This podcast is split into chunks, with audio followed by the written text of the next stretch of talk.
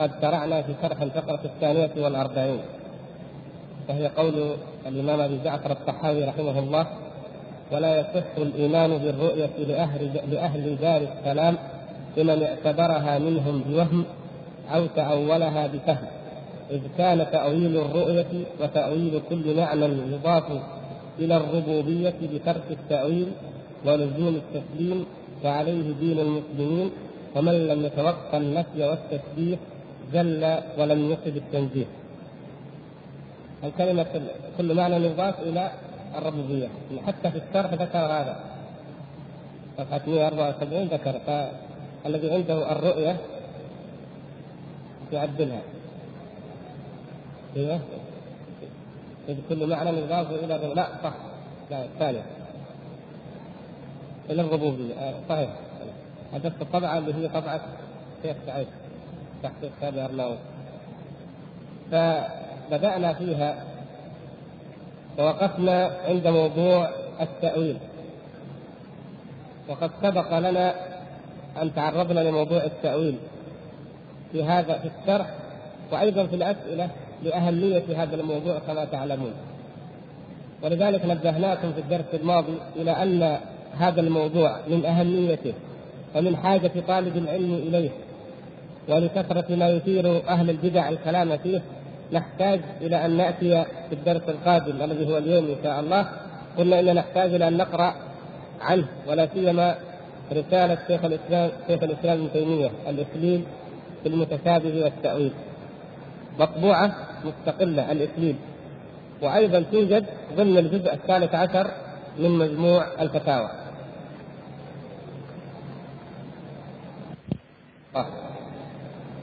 وإذا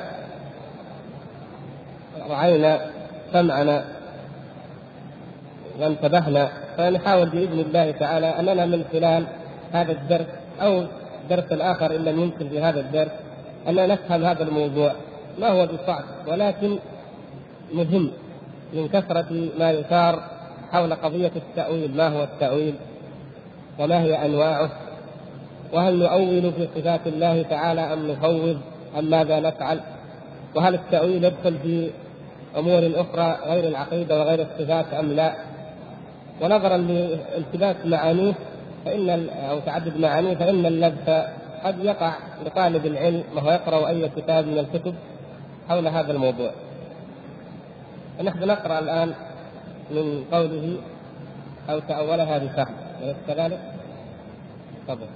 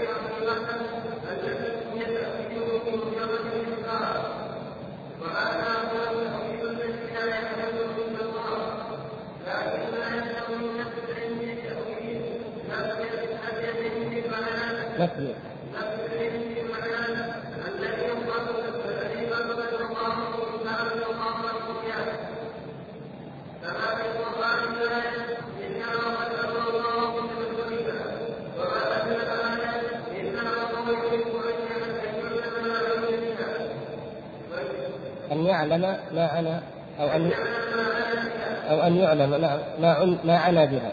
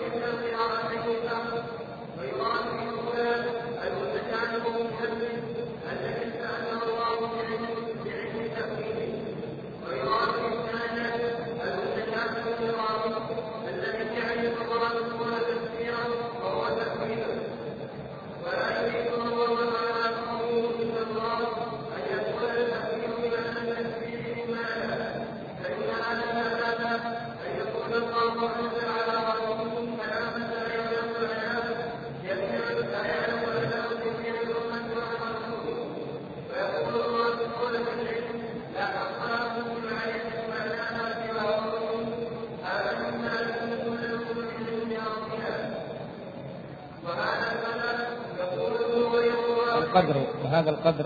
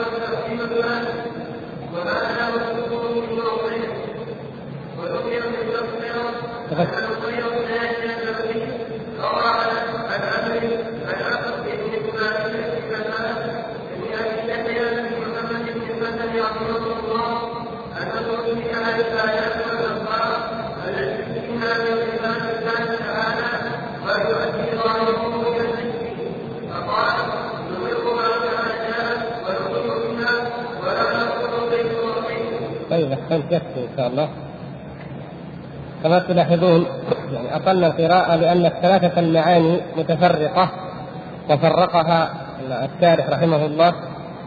فأحببنا أن نمر عليها جميعها حتى نستوعبها إن شاء الله. وقوله رحمه الله أو تأولها بفهم. هو هذه كلمة تأولها هي التي جعلت آه، الشارح يستطرد في بيان ما هو التأويل. وفي بيان معانيه. وأنتم بلا شك تعلمون المعاني الثلاثة للتأويل التي سبق أن قلناها وأن عرفتموها ولا بأس أن تعيدوها يعيد واحد منكم إن شاء الله حتى تفهم جيدا.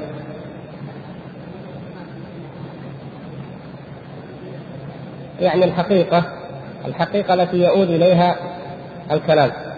نعم. ثانيا التفسير.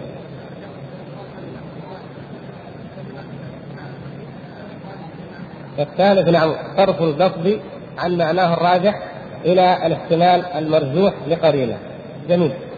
فيقول رحمه الله هنا أو تأولها أو وقوله أو تأولها بفهم أي ادعى أنه فهم لها تأويلا يخالف ظاهرها. وما يفهمه كل عربي من معناها. يخالف ظاهرها ويخالف ما يفهمه كل عربي من معناها. فإنه قد صار اصطلاح المتأخرين في معنى التأويل أنه صرف اللفظ عن ظاهره عن ظاهره يعني إلى آخره. وبهذا تسلط المحرفون على النصوص إذا التعريف الثالث اللي ذكر لك عبد الله التعريف الثالث هذا تعريف إيش؟ المتأخرين. هو هل هو تعريف صحيح أو مبتدع محدث؟ مبتدع هذا تعريف مبتدع وهو صرف اللفظ عن معناه الراجح أو عن الظاهر الراجح إلى معنى مرجوح لقرينة أو الاحتمال المرجوح لقرينة.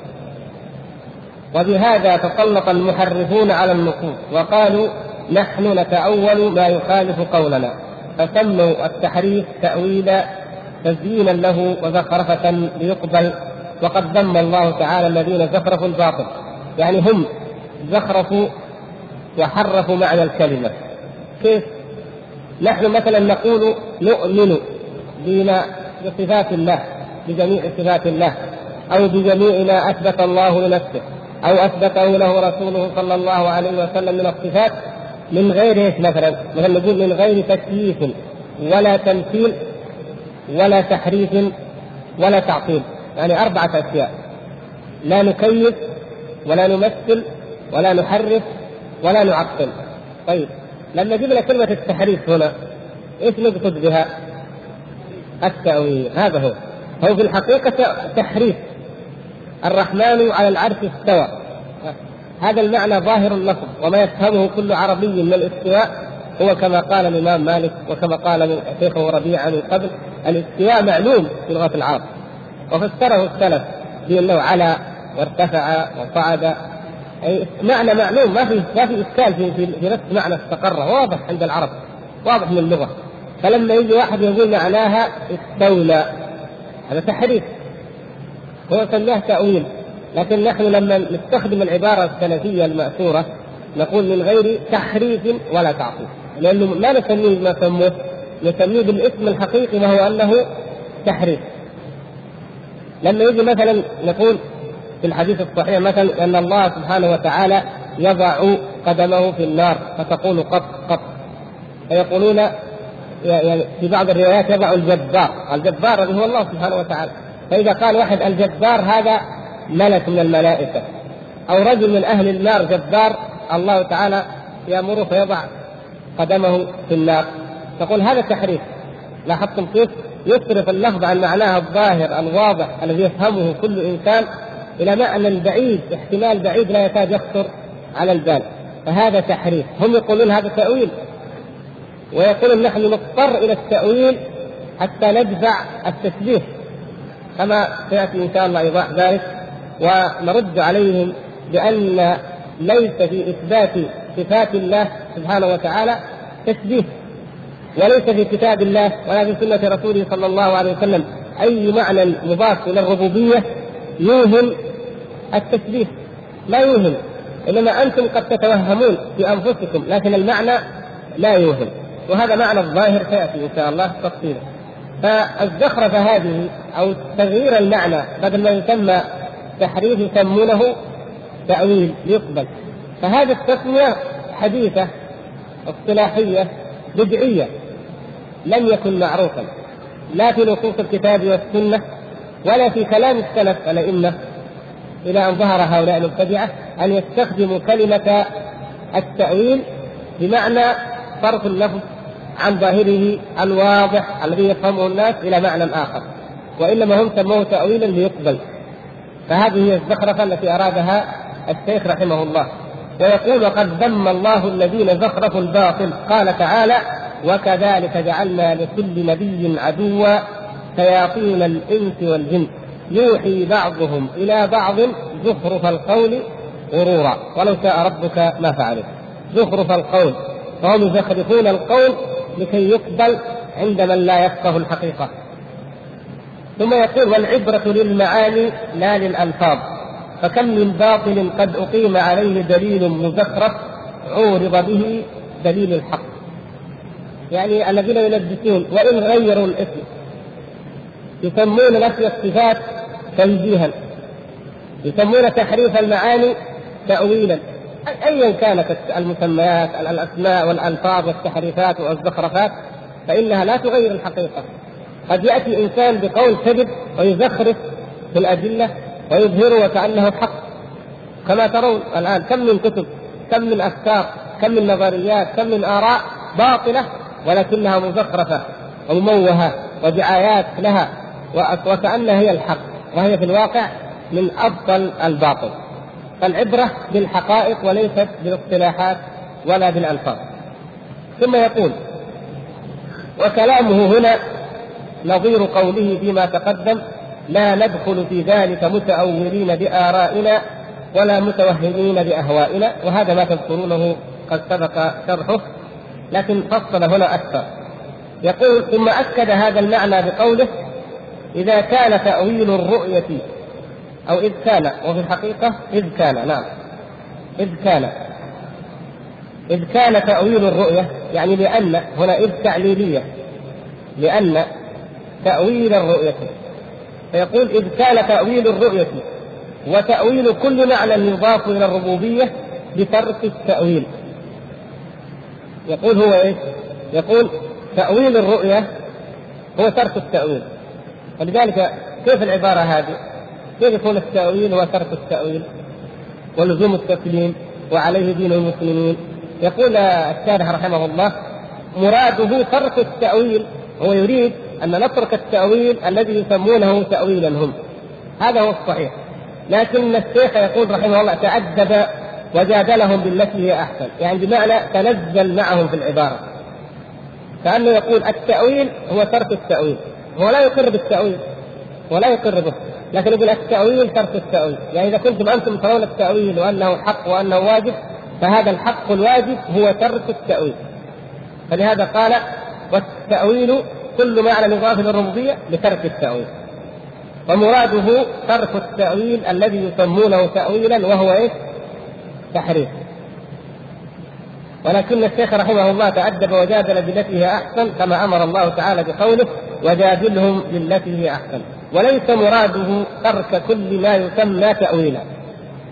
هل مراد الشيخ أبي جعفر الطحاوي رحمه الله أنه يذم وأن نترك كل ما يسمى تأويل؟ لا ليش؟ لأن قلنا التأويل له معاني منها حق ومنها باطل فهو يقصد المعنى الباطل. طيب. ولا ترك شيء من الظواهر لبعض الناس بدليل راجح من الكتاب والسنة. لبعض الناس المهم ولا ترك شيء من الظواهر أو من ظواهر الأدلة بدليل راجح من الكتاب والسنة. تذكرون أنه اننا قد قلنا إن ونكرر هذا ليس في ظواهر نصوص الكتاب والسنة أي منطق للمبتدعة بأن يقولوا الظواهر تفيد التثبيت أو الظواهر يجب آه، نفيها أو تحريفها أو أي معنى من هذه المعاني التي يتوهمونها لكن هل يوجد هل كل لفظ في القرآن والسنة يؤخذ على ظاهره مطلقا؟ لا يعني ليس كل لفظ في الكتاب وفي السنة يؤخذ على ظاهره مطلقا بمعنى أن بعض الألفاظ في الكتاب والسنة ليست على ظاهرها بإطلاق وهذه معلومة وليست من باب الصفات والعقائد ولكنها في باب الأحكام.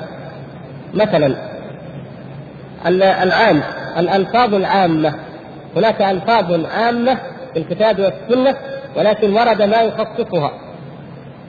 العام الذي خصص لا يراد به ظاهر اللفظ. لا يراد به ظاهر اللفظ.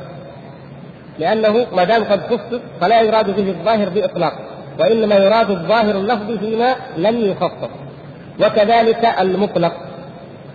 المطلق إذا قيد لأن في كتاب الله عز وجل ألفاظ مطلقة ورد تقييدها إما في القرآن وإلا في السنة.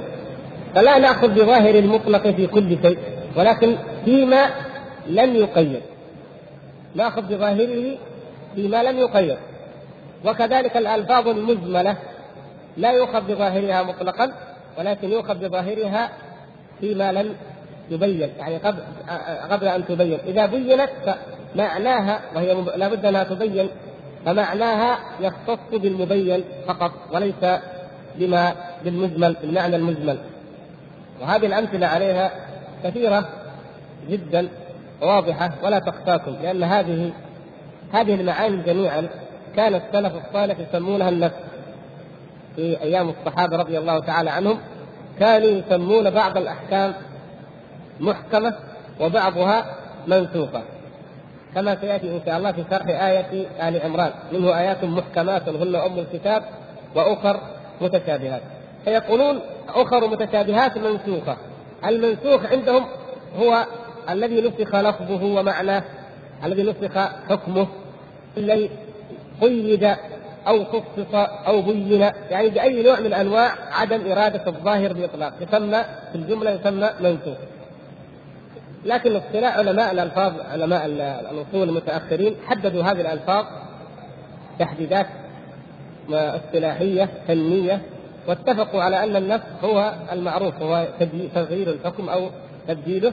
وأن التخصيص العام لا يسمى نسخا وأن تقييد المطلق لا يسمى نسخا وأن بيان المجمل لا يسمى نسخا. يعني هم اصطلحوا على ذلك. فهذه مثلا كل لفظ يعني جاء في الحث على الصلاة. مثلا كل أمر جاء في الحث على إقامة الصلاة. هذا عام لفظ عام يشمل جميع المسلمين. هل تدخل في ذلك الحائض والنفساء؟ مثلا لا تدخل في ذلك. هذا هو فإن هذا العموم يخص يخص منه الحائض يخص منه النفساء. مثلا عتق الرقبة. عتق رقبة العتق الرقبة في الكفارات جاء في بعض الآيات مطلقة. جاء في آيات مقيد عتق رقبة عتق رقبة مؤمنة. فهذا يسمى إيش؟ إطلاق وهذا يسمى تقييد فقيد. فهل نأخذ الرقبة على عمومها؟ على على على الرأي الصحيح؟ لا نأخذها. ليس هذا الظاهر مرادا بإطلاق وإنما المراد الرقبة مثلا المؤمنة. وكذلك مثلا الآيات التي جاءت تدل على على الجهاد. في آيات التي انظروا آه، في آيات الاستنفار. فهذه الآيات تدل على أن كل مسلم في الأصل عمومها يجب عليه أن ينفق جاءت آيات أخرى وأحاديث فخصصت مثلا الضعفاء المرضى الذين لا يجدون نفقة الجهاد الذين يستأذن أبويه كما في السنة مثلا والذين فيه أبوين ضعيفان وكذا بعض أدلة خصصت وقيدت هذه الأوامر. فإذا هل آه، المقصود هو وهل كل ألفاظ الكتاب والسنة تؤخذ دائما على ظاهرها؟ أو بسؤال آخر ما هي الألفاظ التي في الكتاب والسنة لا يؤخذ ظاهرها بإطلاق؟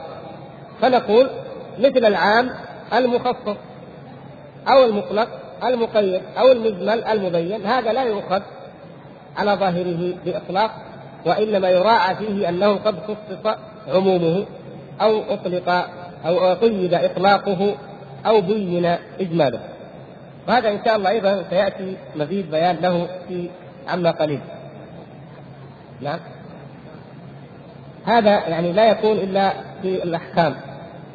إلا يعني قد تشتبه بعض المعاني قد تشتبه بعض المعاني ونحتاج أن نجمع بين النصوص في غير الأحكام في أمور العقيدة كما يأتي مثلا في أمور الوعد والوعيد وما أشبه ذلك. لكن هذه آه، يعني ليس الأصل فيها هو آه، ما نقوله هنا. هذه قواعد مطلقة عامة في علم أصول الفقه. أما ما يتعلق بالوعد والوعيد أو بالعقائد فإن هذه هي التي تدخل في قسم المتشابه على قول بعض السلف كما سيأتي إن شاء الله تعالى.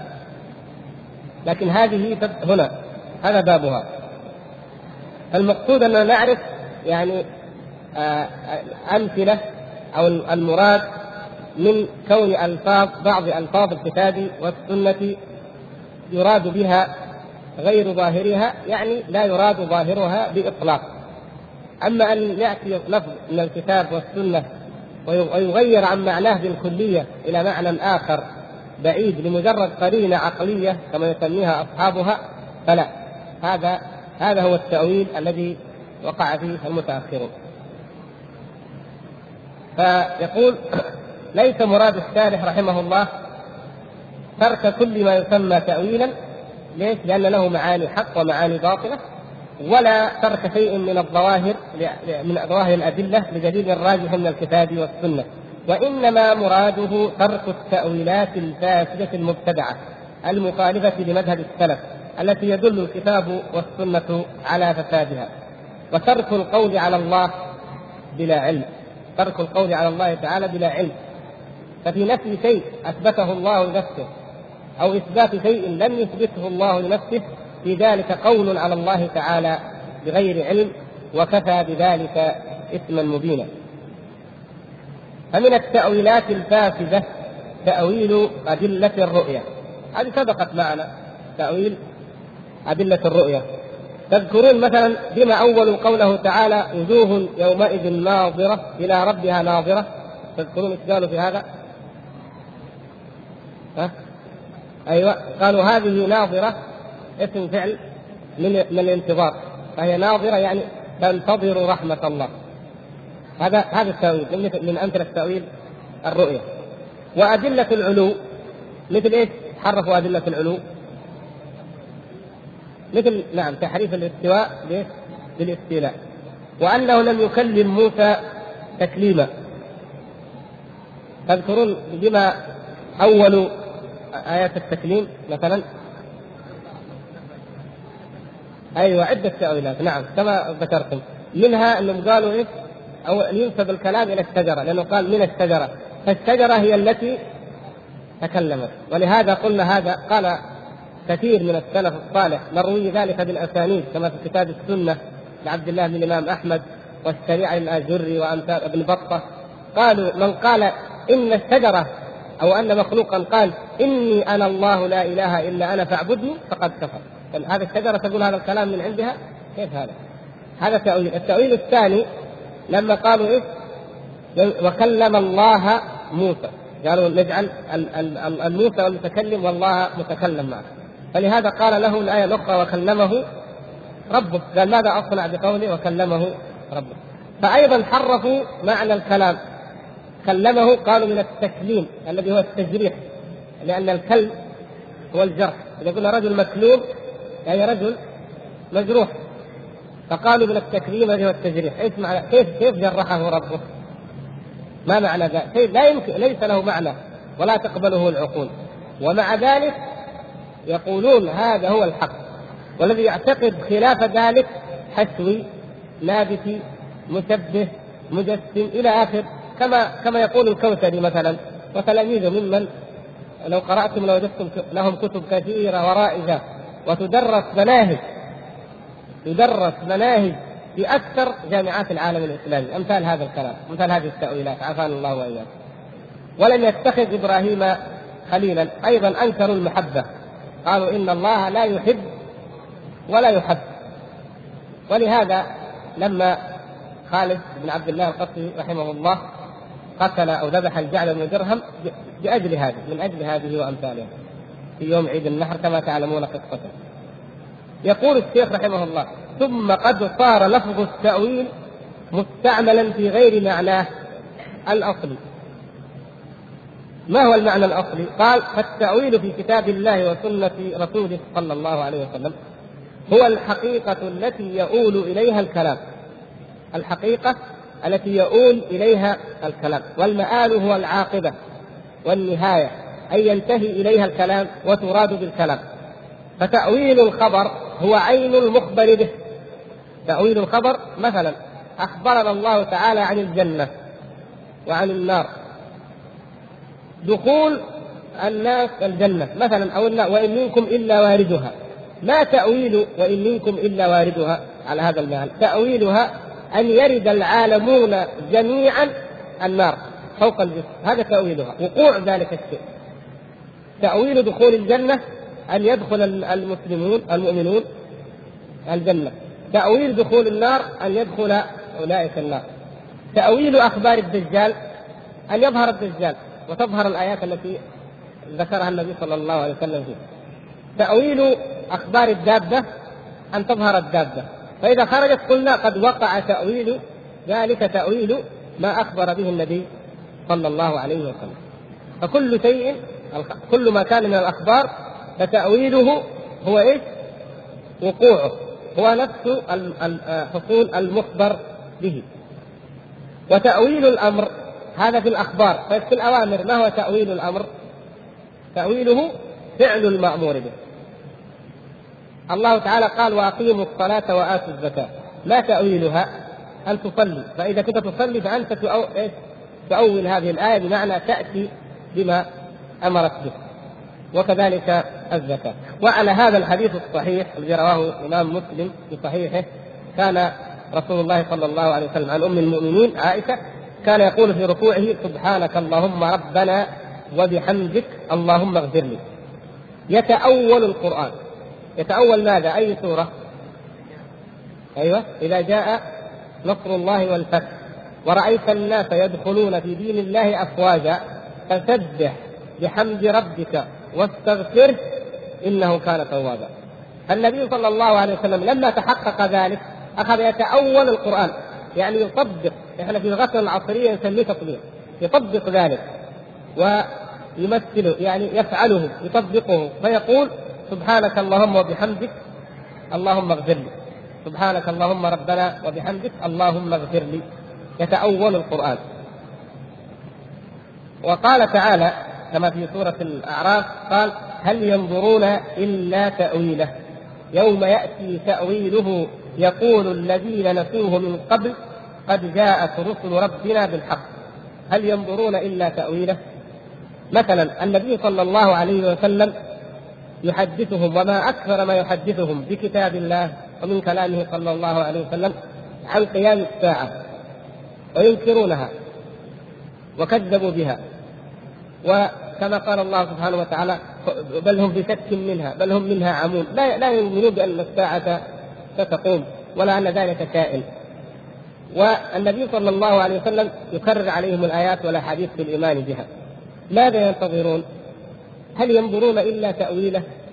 إذا جاءت الساعة ما ينتظر إلا أن تأويل الخبر يعني وقوع ذلك الشيء فإذا وقع وجاء الآن يؤمن يقول الذين نسوه من قبل قد جاءت رسل ربنا بالحق أو إذا بعثوا من القبور ينكرون البعث ينكرون البعث.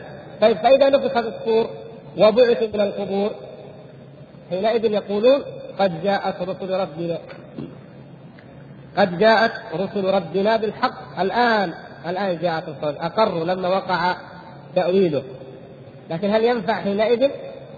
ما ما ينفع الإيمان بعد أن وقع. لأن من صفات المؤمنين الذين يؤمنون بالغيب.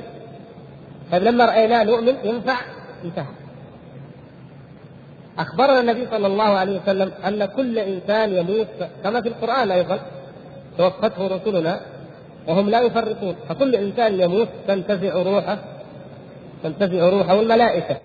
إما ملائكة الرحمة إن كان من أهل النعيم والإيمان جعلنا الله وإياكم منهم وإن ملائكة العذاب عافانا الله وإياكم من ذلك. هكذا أخبر النبي صلى الله عليه وسلم. نؤمن بذلك ونصدق به. فإذا جاءت الملائكة ما ينفع ذاك الوقت لا إيمان المؤمن ما عاد يزيد. إذا رآها جاءت تريد أن تأخذ روحه انتهى الأمر. وإذا قال المنافق أوه الآن الآن آمنت صدقت بعد أن رآها انتهى ما عاد مجال ما ليس وقت الإيمان فهذا هو تأويله يعني تحققه ووقوعه. كما كان يسمع به كما كانت آيات الله وأحاديث رسول الله صلى الله عليه وسلم تتلى عليه من قبل. فيقول الذين نسوه من قبل قد جاءت رسل ربنا بالحق. هذا هو. ومن ذلك قوله تعالى الآية التي لم يذكرها الشيخ هنا لعله ذكرها في موضع آخر. قوله تعالى بل كذبوا بما لم يحيطوا بعلمه ولما يأتهم تأويله. لاحظوا هنا شيئين الذي كذبوا به وهو القرآن. بل كذبوا بما لم يحيطوا بعلمه. هذا هذه العلة الأولى أو المناط مناط التكذيب الأول. والثاني هو إيش؟ ولما يأتهم تأويله. أمر لم يستطيعوا أن يستوعبوه بعقولهم ولا أن يفهموه. ولم يقع لم يقع نفس ما أخبر به. فنشاهد هذه الآية أن الأمر عندهم دائر بين شيئين أنهم لم يحيطوا بعلمه وأنهم لما يأتهم تأويله. طيب. ومن هنا نعرف أن هناك فرقا بين المعنيين بين الإحاطة بالشيء علما وبين أن يأتي تأويله.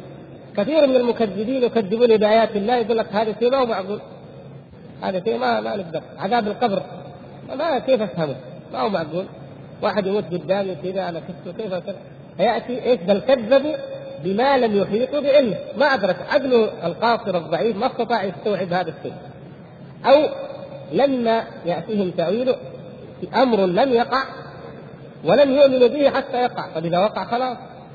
إذا وقع ما عاد هناك فائدة من الإيمان ولا مجال له. فهذا التفريق بينه بين الإحاطة بالعلم وبين التأويل ينفعنا ينفعنا في ماذا؟ في الموضوع الذي سنأتي عليه إن شاء الله في آية آل عمران.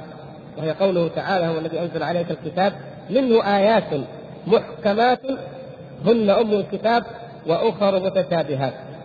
فأما الذين في قلوبهم زيغ فيتبعون ما تشابه منه لما يقول الله تعالى فيتبعون ما تشابه منه إيه؟ ابتغاء الفتنة وابتغاء تأويله وما يعلم تأويله إلا الله والراسخون في العلم. هذه الآية أشكل تفسيرها على أكثر المفسرين قديما وحديثا. هي من من الآيات المشكل تفسيرها ومعناها. التفريق بين الإحاطة بالعلم وبين التأويل يعين على فهم هذه الآية لأن الراسخين في العلم يحيطون بالقرآن بمعانيه علما ولكن لا يدركون تأويله على معنى إذا وقفنا على إلا الله فهذا أحد ما يخرج به ذلك وما يعلم تأويله إلا الله. الراسخون في العلم هل يجهلون معاني كتاب الله عز وجل؟ لا يجهلون ذلك كما سيأتي عن ابن عباس وعن مجاهد أنهم يعلمون. مجاهد يسأل ابن عباس رضي الله تعالى عنه عن القرآن آية آية. قرأ عليه القرآن آية آية يوقفه عند كل آية ويسأله عن معناها، إذا ما في آية خفي معناها على ابن عباس رضي الله تعالى عنه، بغض النظر عن كون التفسير هذا قد يكون خطأ أو قد يكون هناك ما هو أولى منه هذا شيء اجتهاد، لكن المقصود أنه معلوم. طيب هل يعلم ابن عباس رضي الله تعالى عنه تأويله الذي هو حقيقته التي يؤول إليها؟ لا إذا هذا ما أحد الأوجه التي نفهم بها الآية لا يعلم تأويله إلا الله والراسخون في العلم يعلمون معاني القرآن ولكنهم لا يعلمون تأويله أي حقيقته التي يؤول إليها ما تؤول إليه هذه المعاني سواء كانت آه، أخبارا بالذات الأخبار أما الأوامر والنواهي فإنها معلوم تأويلها يحققونها ويطبقونها. يقول ومنه تأويل الرؤيا تأويل الرؤيا وتأويل العمل. كيف تأويل الرؤيا؟ تفسيرها يعني كما تعلمون. يعني تفسيرها الذي ستقع عليه وفقه ستقع وفقه الملك ما الذي رأى الملك مثلا سبع بقرات سمان يأكلهن سبع عجاف بمعنى غريب كيف هذا؟ كيف سبع سمان يكون سبع عجاف؟ أي واحد يخطر على باله هذا المعنى يعجز إيش هو؟ يريد التأويل ذلك يريد التأويل فالذين لا علم لهم قالوا أضغاث أحلام وما نحن بتأويل الأحلام بعالمين لكن الذي أعطاه الله تعالى العلم وعلمه من تاويل الأحاديث قال هذه السبع السمان سبع سنوات مخطبة خيرة فيها الخصب والنماء فهي سبع سمان يأكلهن سبع عجاف يأتي بعد ذلك سبع سنين محل جدب قحط فيأكل الناس يستهلكون ما ادخروه في أيام الخصف أيوة هذا تأويلها هذا تأويلها تفسيرها وهكذا وقعت. كما أخبر. وكذلك هو لما رأى يوسف عليه السلام إني رأيت أحد عشر كوكبا والشمس والقمر رأيتهم لي ساجدين. لما رفع أبويه على العرش وخروا له سجدا قال؟ هذا تأويل رؤياي من قبل. وقد قيل إن بينهما أربعون أربعين سنة بين الرؤيا وبين وقوع التأويل. فتأويلها إذا تفسيرها أو وقوعها كما فسرت. هذا تأويل الرؤيا. هذا منه من المعاني التي وردت في الكتاب والسنة على هذا المعنى. وتأويل العمل. أيضا تأويل العمل تفسيره وبيان لماذا وقع بهذه الكيفية. لماذا؟ تعليله بيان الحكمة. لماذا وقع العمل بهذه الكيفية؟ هذا تأويله. ركبا في السفينة خرقها. تعجب موسى عليه السلام. يحسنون إلينا ويركبوننا في السفينة ونخرقها وبدون أجرة ولا. كيف هذا العمل؟ لقيا غلاما فقتله أقتلت نفسا زكية بغيرها؟ كيف يكون هذا؟ عمل هذه ظاهر هذا ظاهره هذه صورته غلام مع مجموعة من الغلمان يلعب الأصل في الناس في الغلمان البراءة ما ذنبه قتله ورجل عالم وعنده نبي نبي خضر عليه السلام نبي يوحى إليه من الله كيف يرتكب هذا العمل؟ تعجب موسى عليه السلام. وفي الثالثة يذهب إلى تلك القرية أهلها لؤماء بلغ بهم الجهد والتعب مبلغه فطعم أهلها. يا ناس ما في أهل خير ما في حد يبرأ لم يضيفهم أحد. أخي على طريق الحق هنا منتصف الشريف. لاتخذت عليه أجرا قال هذا فراق بيني وبينك. سأنبئك بتأويل ما لم تستطع عليه صبرا يعني أنا سأخبرك الآن بالعلة بالسر بالحكمة بالأفعال التي رأيتها ولم تستطع أن تصبر عليها. ثم أخذ يبين له طبعا كما تعلمون اما السفينه فتأويلها يعني فخبرها تأويل عملي فكانت للمساكين يعملون في البحر. فأردت أن نعيدها وكان يعني وراءهم ملك يأخذ كل سفينة صالحة. على قراءة ليست لكن القراءة مفسرة. الملك يأخذ كل سفينة صالحة غصبا عن أهلها بالقوة. فهذه السفينة غير صالحة. نزل موسى والخضر عليهما السلام ذهب المساكين بسفينتهم إلى الميناء جاء أعوان ذلك الملك الظالم. قالوا نريد هذه السفينة فلنبحث إن كانت تصلح لنا وإلا تركناها. خاف المساكين. خافوا على سفينتهم. فجاء أعوان الظالم رأوا قالوا لا مخروقة.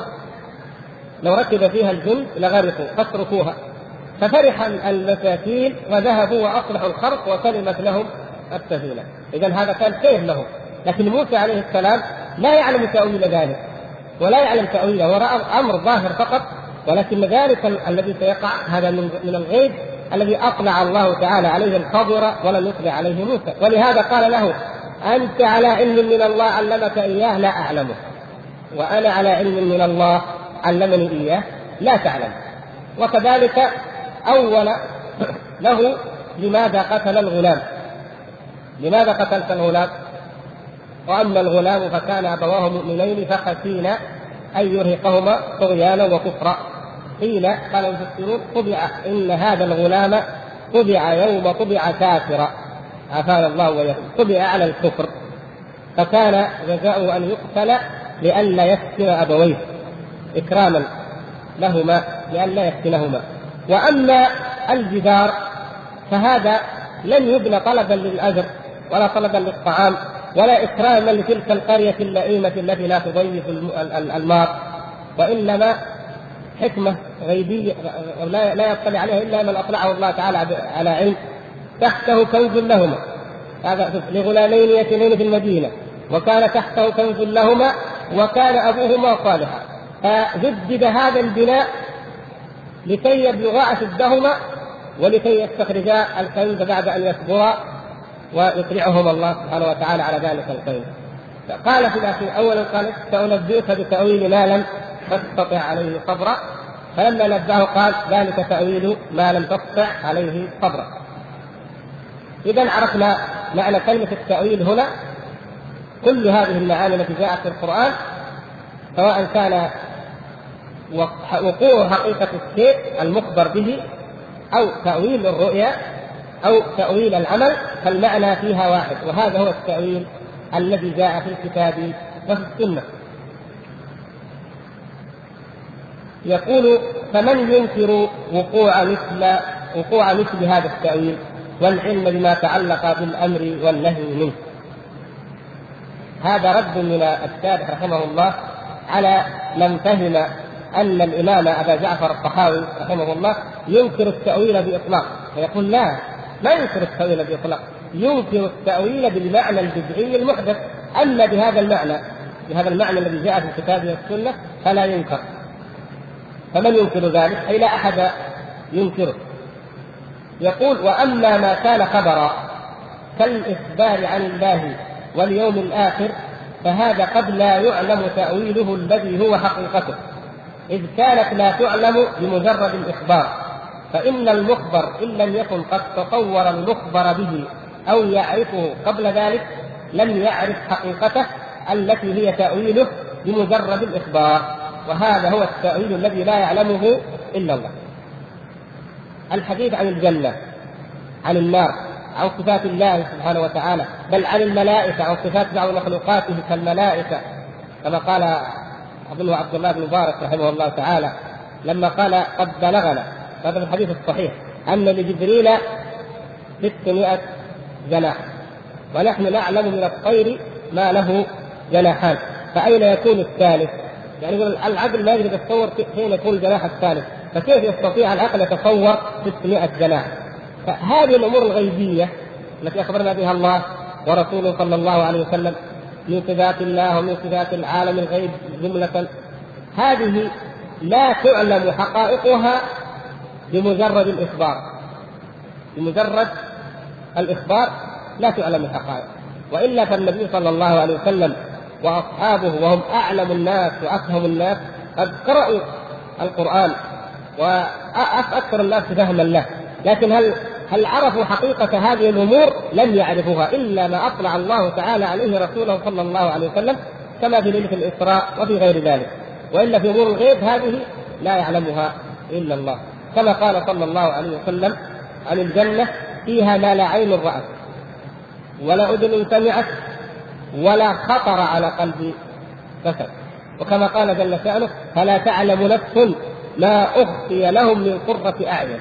لا قيل يمكن أن نفس مطلقا لا نفس ملك ولا نبي ولا أحد يعلم ما أخفي لهم من قرة أعين وهي غاية النعيم. الذي تقر به العين تماما هو غاية النعيم. إذا هذا أمر هذا حادث لا لا يعلم بمجرد الخبر فكيف نوفق بين كون نؤمن بالجنة والنار؟ مثلا نؤمن بأن الجنة فيها أنهار من عسل ومن لبن ومن خمر ومن ماء ومن كذا وفواكه. وبين كوننا لا ندرك حقيقتها. هناك قدر مشترك لفظي. هذا مر معنا في أول الشرح وإن شاء الله ما نسيته اشتراك لفظي. الاشتراك اللفظي يدل على قدر معين يمكن الإنسان يعرف به الأمور يميز به هذا من هذا. يعني الله تعالى مثلا قال فيها فاكهة ونخل ورمان. نحن لا نعرف لا الفاكهة ولا النخل ولا الرمان بالنسبة للجنة. كلها غيب لكن نعرف من هذا اللفظ أن في فرق بين هذه النخل غير الرمان.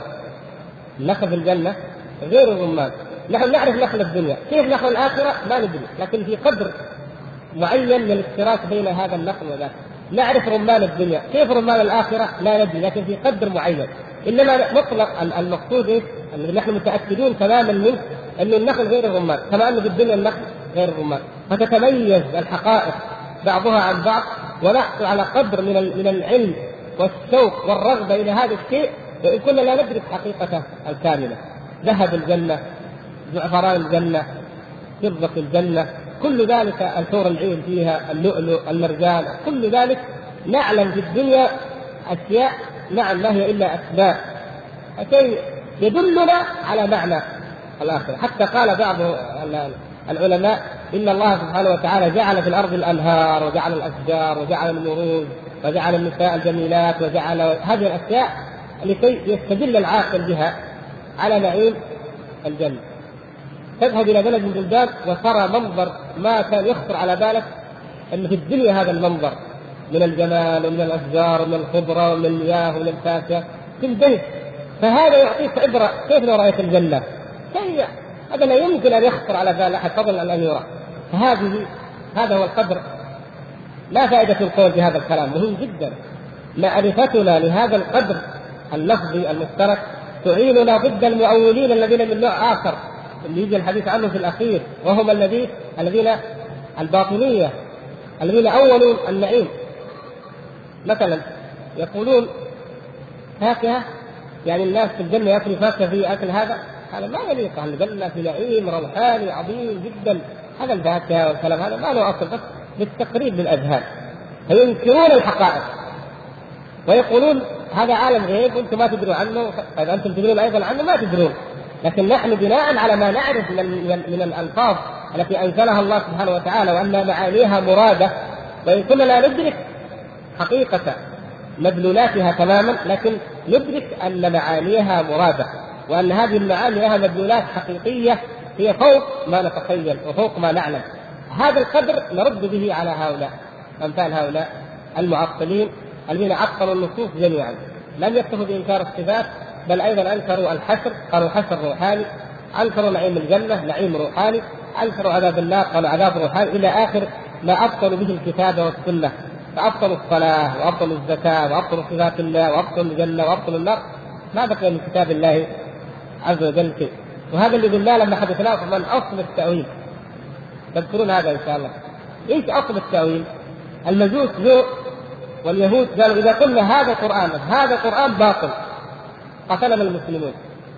ونفروا منا وما صدقنا أحد. ما في مسلم يقبل هذا الكلام إنه في القرآن هذا باطل عياذا بالله.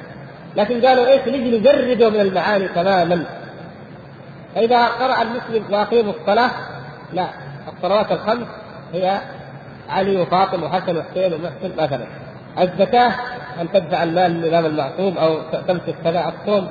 حفظ اسرار الإمام المعصوم الحج أن تذهب إليه. طيب الجنة والنار هذا كله نعيم روحاني. هذا الحشر طيب خلاص. ماذا بقي من القرآن؟ ما بقي فيه. أخرجوه الألفاظ موجودة ومكتوبة قد يطبعون المصحف لكن أخرجوه عن عما أراد الله تعالى منه. وبحيلة خفية دون أن يقولوا هذا باطل. لكن في الحقيقة أبطلوه ولم يبقوا منه شيء. هذه حيلة اليهود والمجوس. الذين أسسوا دين الرفض ثم دين الباطنية والصوفية الذي هو أوسع من الرافضة كلما غلا الإنسان في ذلك يغلو حتى يسقط عن يعني من جميع يخرج من جميع التكاليف من جميع التعبدات فلا يؤمن لا بكتاب ولا بسنة ولا بأمر ولا بنهي عافانا الله وإياكم من ذلك. المقصود هو هذا فهذا التأويل الذي هو معرفة حقيقة ما يؤول إليه الشيء المخبر عنه في الكتاب والسنة لا يعلمه إلا الله. لكن هل يلزم من نفي العلم بالتأويل نفي العلم بالمعنى؟ لاحظتم آخر الصفحة؟ يقول لكن لا يلزم من نفي العلم بالتأويل نفي العلم بالمعنى الذي قصد المخاطب إفهام المخاطب إياه. ثم وضح ذلك فقال فما في القرآن آية إلا وقد أمر الله بتدبرها. وما أنزل آية إلا وهو يحب أن يعلم ما عنا أن يعلم الناس أو أن يعلم ما عنا بها لاحظتم كيف؟ وإن كان من تأويله ما لا يعلمه إلا الله فهذا معنى التأويل في الكتاب والسنة وكلام السلف إذا مع قولنا لأن هذا لا يعلمه إلا الله حقائق الأشياء التي إليها لا يعلمها إلا الله لكن هل يعني هذا أن معانيها لا تعلم؟ نعلم معنى الفاكهة، معنى الرمان، معنى النخل، نعلم ذلك، معنى الحور، معنى العين، معنى الأبكار، معنى اللحم، الطير، مثلا في الجنة، كل ذلك نعلم. معنى استوى نعلمه، معنى الجبار نعلمه، القيوم، العزيز، الحكيم، نعلم هذه المعاني. لكن حقائقها كيفية اتصاف الله عز وجل بها لا نعلم الكيفية ولا ندخل فيها. كيف حصول هذا النعيم في الجنة؟ لا نعلم ذلك. هذا هو. فالمعاني إذا مفهومة ولا يلزم من نفي معرفة العلم بالتأويل نفي معرفة المعنى. هذا هذا هذه مهمة جدا يجب أن لا ننساها إن شاء الله. فما في القرآن آية إلا وقد أمر الله بتدبرها. يقول المفوضة نحن لا نؤمن لا نثبت أي شيء أي معنى من هذه المعاني. تقول له الرحمن على العرش استوى؟ يقول الله أعلم بمراده. يفوض يفوض المعنى إلى الله لا. يؤمن باستوى ولا ينفي استوى الله أعلم. لله يد الله أعلم. يفوض كل شيء قال ليش؟ قال يا أخي نحن نفوض ونقول الله أعلم لأن الله تعالى يقول لا يعلم تاويل وما يعلم تأويله إلا الله. والراسخون في العلم يقولون آمنا. آمنا به كل من عند ربنا. فنحن نتبع سبيل الراسخين في العلم. آمنا به. نؤمن بهذه الآية. استوى. نؤمن بأنها آية في القرآن لكن لا نؤمن بان لها معنى ولا نفسر هذا المعنى. هذا هذا مذهب خطير خطير جدا. ونتيجة لجهل أكثر المتكلمين المتأخرين بهذا المعنى وقعوا في الحيرة وقعوا في الاضطراب. منهم من أخذ هذا المبدأ وقال نحن نفوض فكانوا مفوضة ومنهجهم خارج عن منهج السلف الصالح وباطل كما كما هو باطل مذهب المعوضة وطائفة أخرى لما رأوا أن هؤلاء أحزموا وقالوا لا نثبت أي معنى من المعاني. قاموا هم قالوا لا إذا نحن نعرف هذه المعاني إذا نحن نعرف التأويل نعرف التأويل. ما يصح تقول ما يعلم التأويل إلا الله. نحن نعلم التأويل أنتم ما تعلمون. نحن نعلم التأويل. ولهذا أخذوا يؤولون في الآيات كما شاءوا. كيف تعلمون التأويل؟ قالوا نخرج وفق اللغة العربية وفق القواعد وفق كذا. والواقع أن كل منهما مخطئ من جهة وهذا الذي يجب أن نعلمه في آية آل عمران. لكن قبل أن ننتقل للآية عشان نمشي حسب ما رتب الشيخ يقول فهذا معنى التأويل في كتاب السنة عرفتموه طيب وسواء كان هذا التأويل موافقا للظاهر أو مخالفا له. يعني إن كان إن كان كلام الشارح كلام الشيخ هذا إن كان المقصود بكلمة هذا التأويل.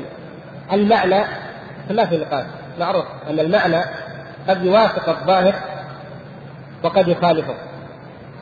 فهذا يعني الناس المفسرون الذين يتكلمون في معاني القرآن قد يفسرونه بمعاني توافق الظاهر أو تخالف هذا شيء آخر لكن المقصود أنه يفسرون القرآن بمعاني ولا يفوضون ويقولون لا نعلم منه شيء. وإن كان المقصود أنه هذا التأويل أي وقوع حقيقة الشيء. لاحظتم كيف؟ حقيقة الشيء وقوعه. قد تكون موافقة للنص وقد تكون مخالفة. فهذا الاحتمال أيضا قد يرد. يعني كيف؟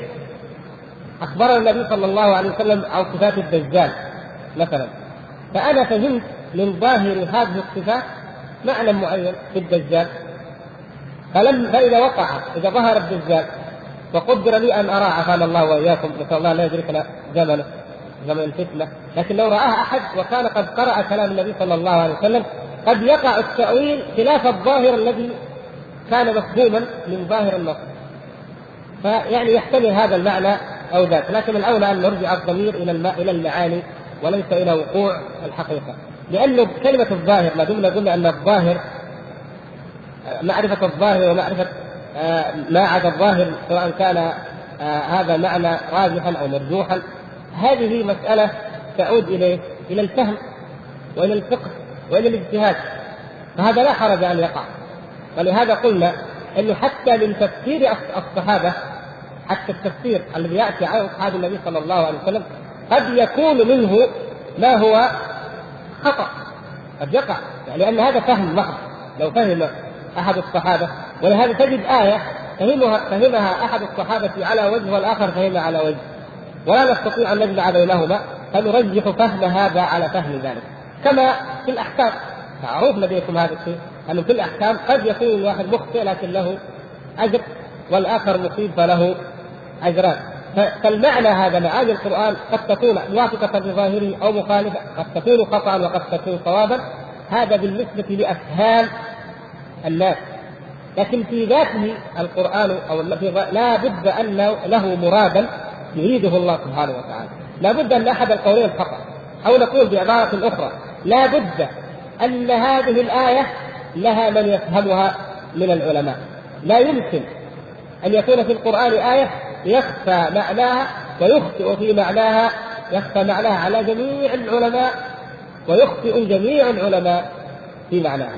هذا لا يمكن. يقول والتأويل في كلام كثير من المفسرين كابن جرير ونحوه يريدون به تفسير الكلام وبيان معناه. ما في إشكال في هذا إن شاء الله. هذا واضح لكم ابن جرير تأويل قوله تعالى كذا. قال ابن عبد يجيب سند إلى ابن عباس سند إلى سعيد بن جبير سند إلى جابر بن زيد سند إلى كذا. هذا هو التفسير.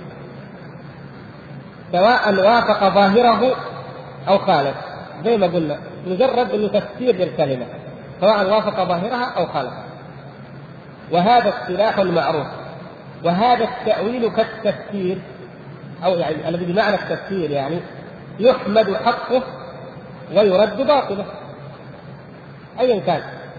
حتى كما قلنا ما دام قلنا ذلك في حق الصحابة فمن بعد الصحابة أولى. فيحمد حقه ويرد باطله.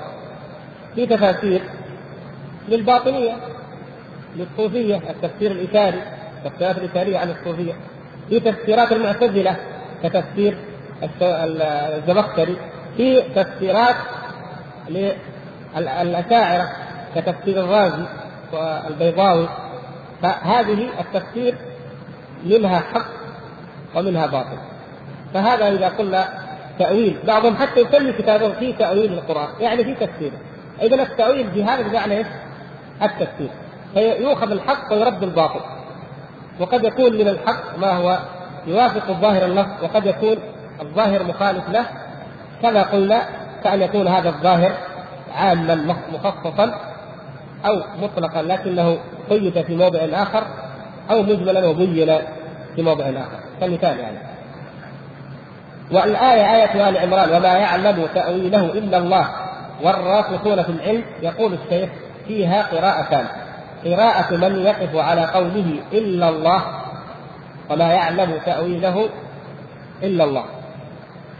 يقف ثم يستأنف والراسخون في العلم يقولون آمنا به كل من عند ربنا. والقراءة الأخرى هي قراءة وما يعلم تأويله إلا الله والراسخون في العلم. يقولون يقول هنا حال. الراسخون في العلم يعلمونه حال كونهم قائلين آمنا به كل من عند ربنا كذلك محمد تعرف القراءة لمن؟ الذين يقفون قراءة من؟ تذكر؟ ها؟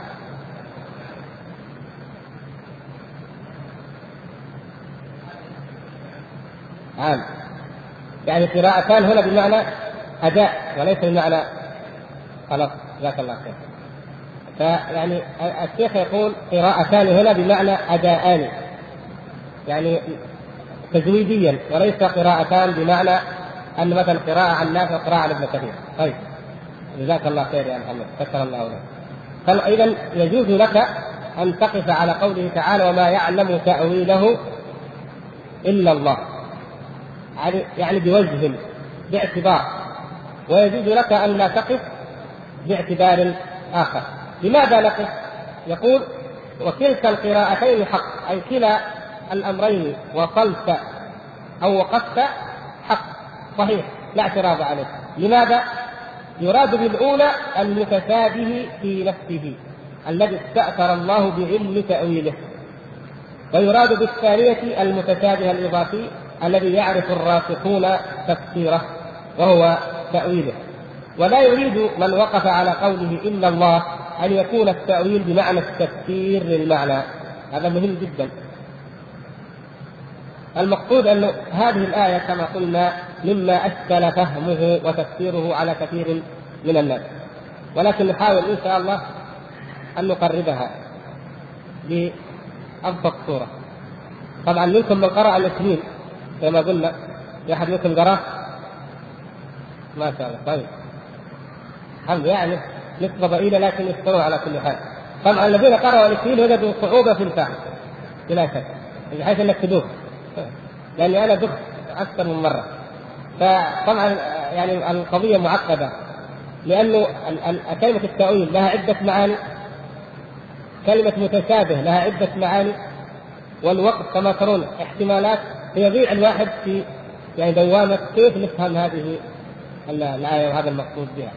لكن يمكن يعني نبسط هذا فنقول إن الله سبحانه وتعالى ذكر أنه أنزل هذا القرآن على النبي محمد صلى الله عليه وسلم وأنه جعله على قسمين محكم ومتشابه فسر السلف الصالح المحكم علماء السلف كابن عباس وابن مسعود وابن جبير والحسن وكثير من مفسري السلف كما في الدر المنثور مثلا أول الجزء الثاني من الدر المنثور لأنه جعل الجزء الأول لسورة البقرة.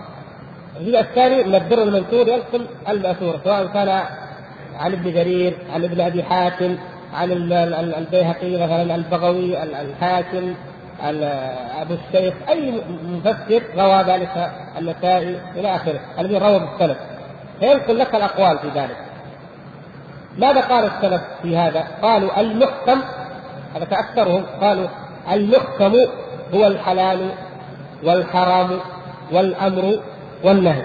من آيات محكمات يعني حلال وحرام وأمر ونهي. وأخر متشابهات.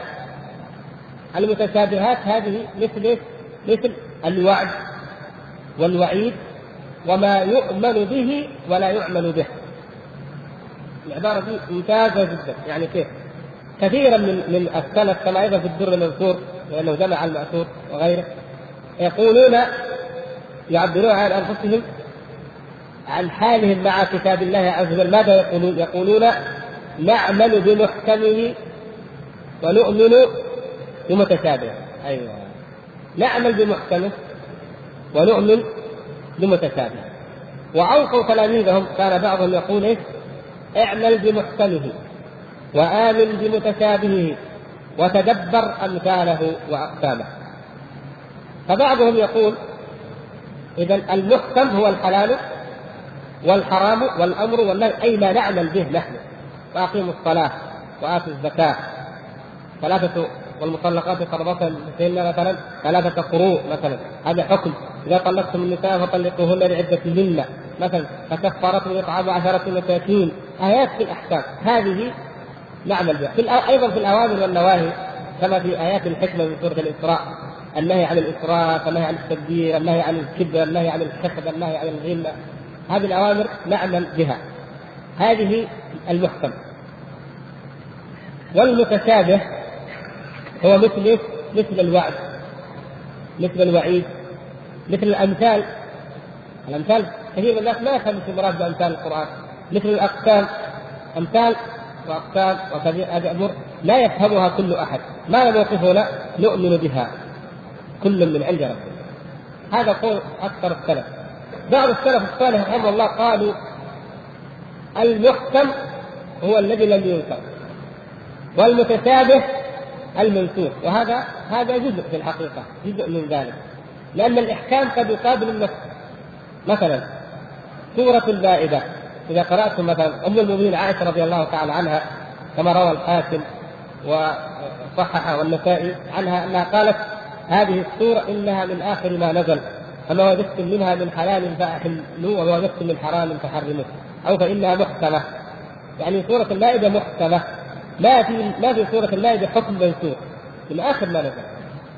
محكمة يعني غير منسوخة بخلاف في آيات في سور نزلت من قبل قد يكون فيها آيات منسوخة الحكم. إذا المحكم يأتي بمقابل المنسوخ كما في أصول الفقه المحكم والمنسوخ. ولكن المحكم إذا جاء المحكم مقابل المتشابه فمعنى المحكم الذي لا يحتمل إلا معنى واحدا معنى واحدا أو هو الأصل كما نقول النص الواضح الجلي. والمتشابه ما يلتبس معناه ويخفى. ما يلتبس معناه وما يخفى. فأما الذين في قلوبهم زيغ فيتبعون ما تشابه منه. طبعا هنا لا يرد لا يرد يتبعون المنسوخ يتبعون ما تشابه منه يعني مثل الوعد والوعيد والأمثال والأقسام وأمثال ذلك مما قد يدق معناه ويخفى معناه. ابتغاء الفتنة وابتغاء تاويله ولهذا قال بعض السلف وروي مرفوعا عن النبي صلى الله عليه وسلم لكن لا يصح رفعه انهم الخوارج. الخوارج. فسرها المفسرون من السلف بأن قال الذين يتبعون ما تشابه منه إيه؟ الخوارج.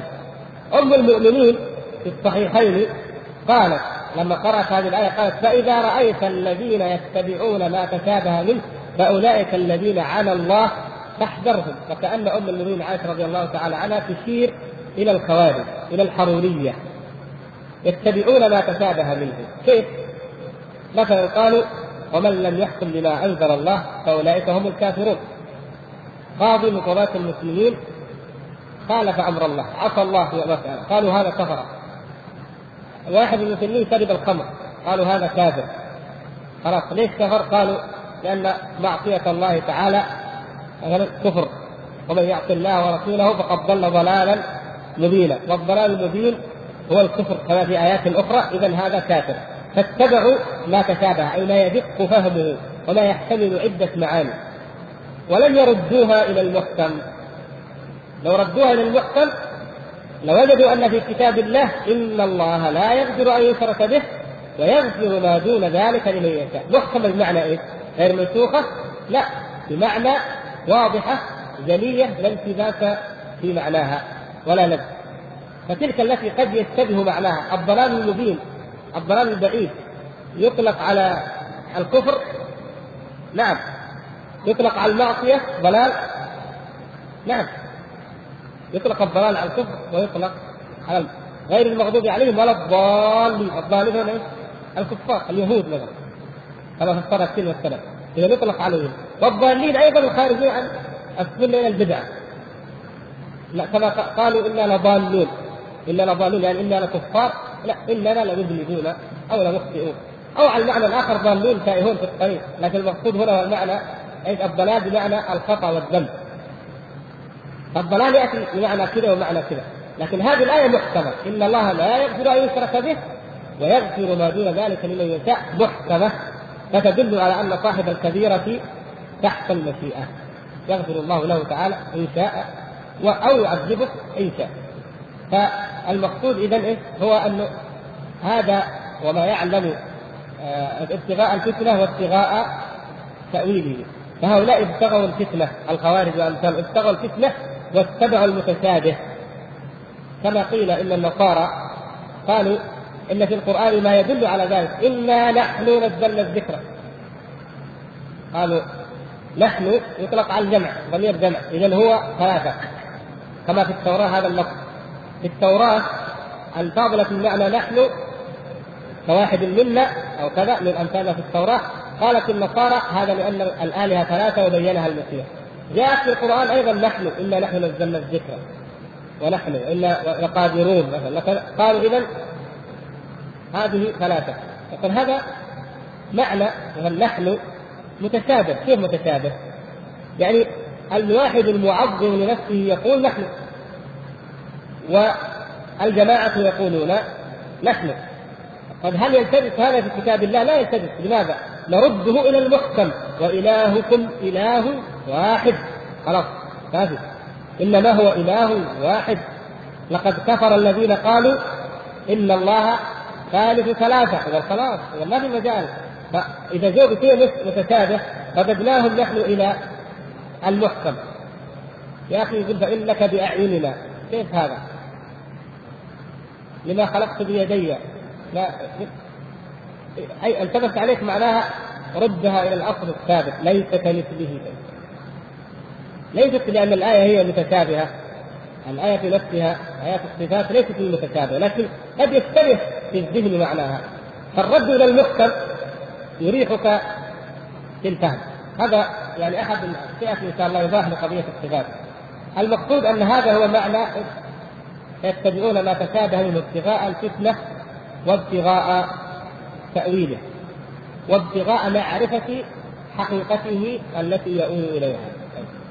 أو وابتغاء معرفة تفسيره الحقيقي الذي يظنون أنه حقيقيا وليس كذلك.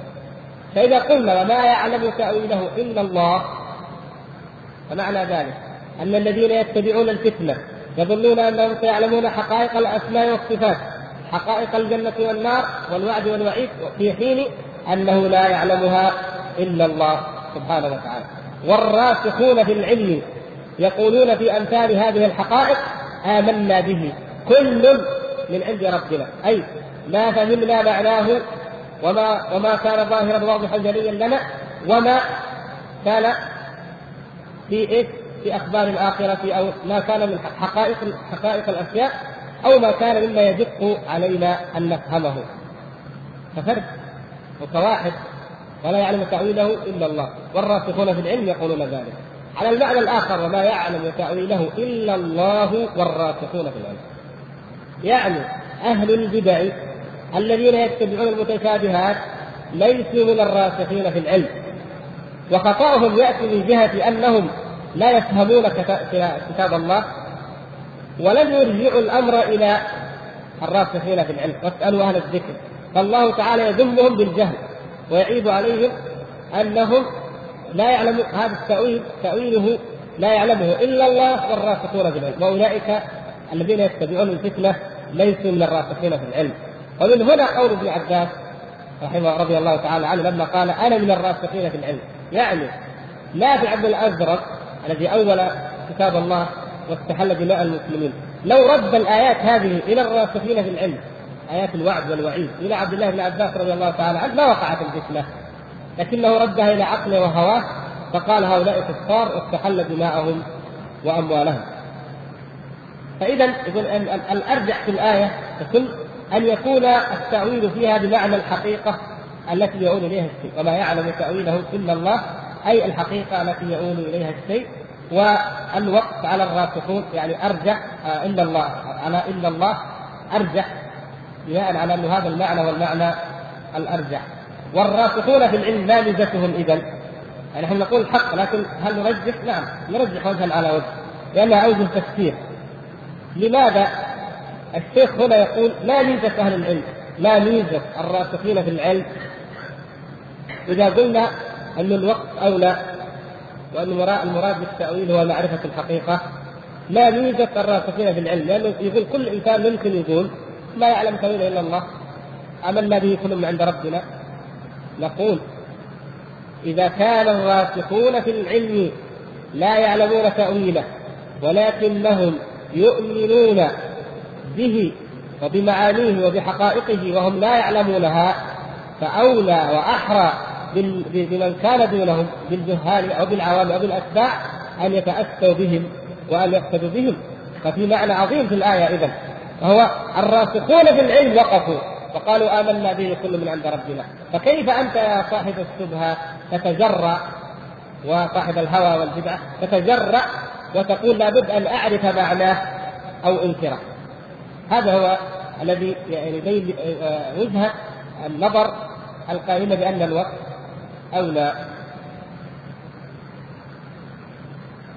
الوقت لا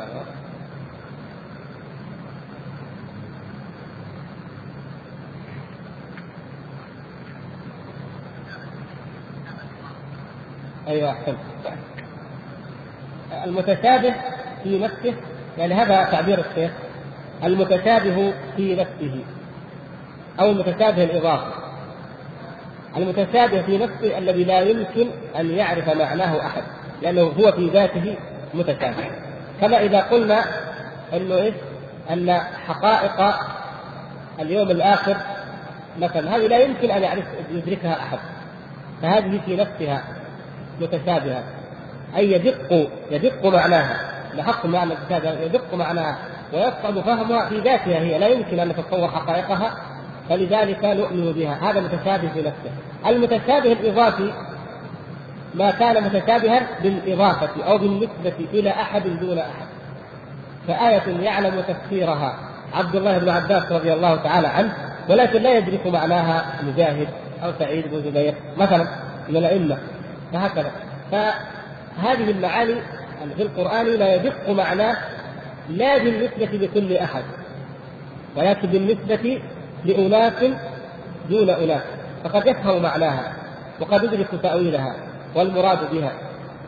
كما في عدة أصحاب الكهف مثلا كما قال عبد الله بن عباس رضي الله تعالى عنه واستنبط ذلك منها لأن الله تعالى قال سيقولون ثلاثة رابعهم كلبهم ويقولون خمسة سادسهم كلبهم رجلا بالغيب ويقولون سبعة وثامنهم كلبهم. قل ربي أعلم بعدتهم ما يعلمهم إلا قليل.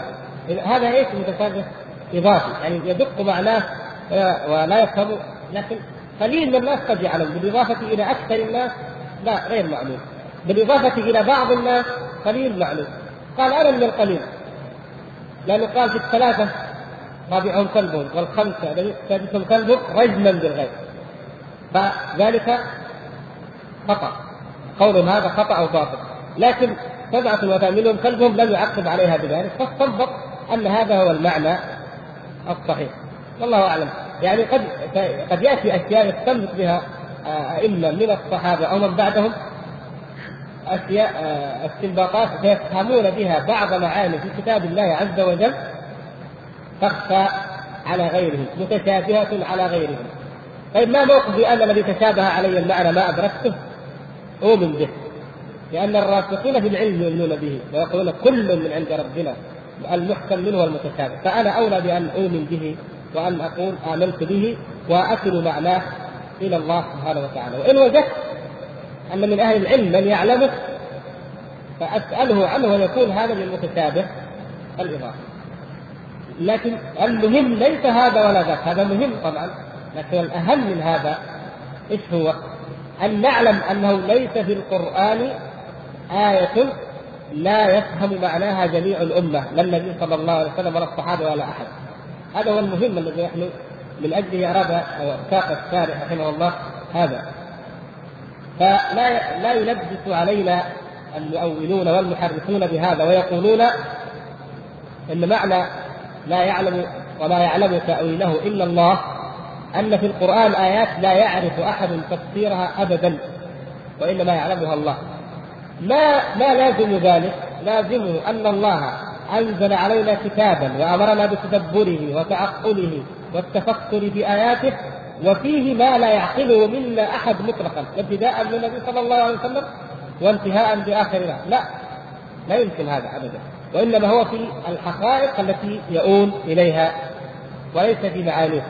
فمن جهة المعاني نحن نفهم هذه المعاني. لا مدخل للمؤولين من مؤولي الصفات لا مدخل للمؤولين من الباطنية لا مدخل للمفوضة الذين يقولون في القرآن ما لا يعلم معناه فإذا نحن نجعل منه آيات الصفات وأمثالها ونكل أمره إلى الله ولا نقوم في شيء من ذلك كما يقولون.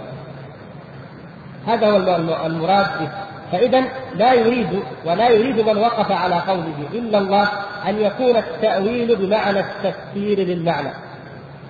لا يريد من وقف على قوله إلا الله أن يكون التأويل بمعنى التفسير. لاحظتم هذا؟ ابدا لأن التفسير يعلم ورد ذلك عن ابن عباس وورد ذلك عن مجاهد كما ذكر الشيخ هنا أنه عرض المصحف على ابن عباس يوقفه عند كل آية يسأله عنها ويجيبه على معنى. إذا فالقرآن بالنسبة للمفسرين وللعلماء معلوم كله وإن كان هذا التفسير قد يكون فيه خطأ والصواب هذا في آخر خطأ والصواب بالنسبة إلى الأشخاص لكن الأمة في مجموعها تعلم القرآن كله ولا تخطئ في فهم آية منه وليس فيه كله ما يلتبس ما, ما لم يرد الله تعالى منهم أن يفهموا معنى هذا في المعنى. وأما في الحقائق التي يؤول إليها وهي أمن الغيب فهذه لا يعلمها إلا الله سبحانه وتعالى. ونسأل الله أن يختم لنا ولكم بالخير وأن يفقهنا في الدين. إنه على كل شيء قدير. والحمد لله رب العالمين.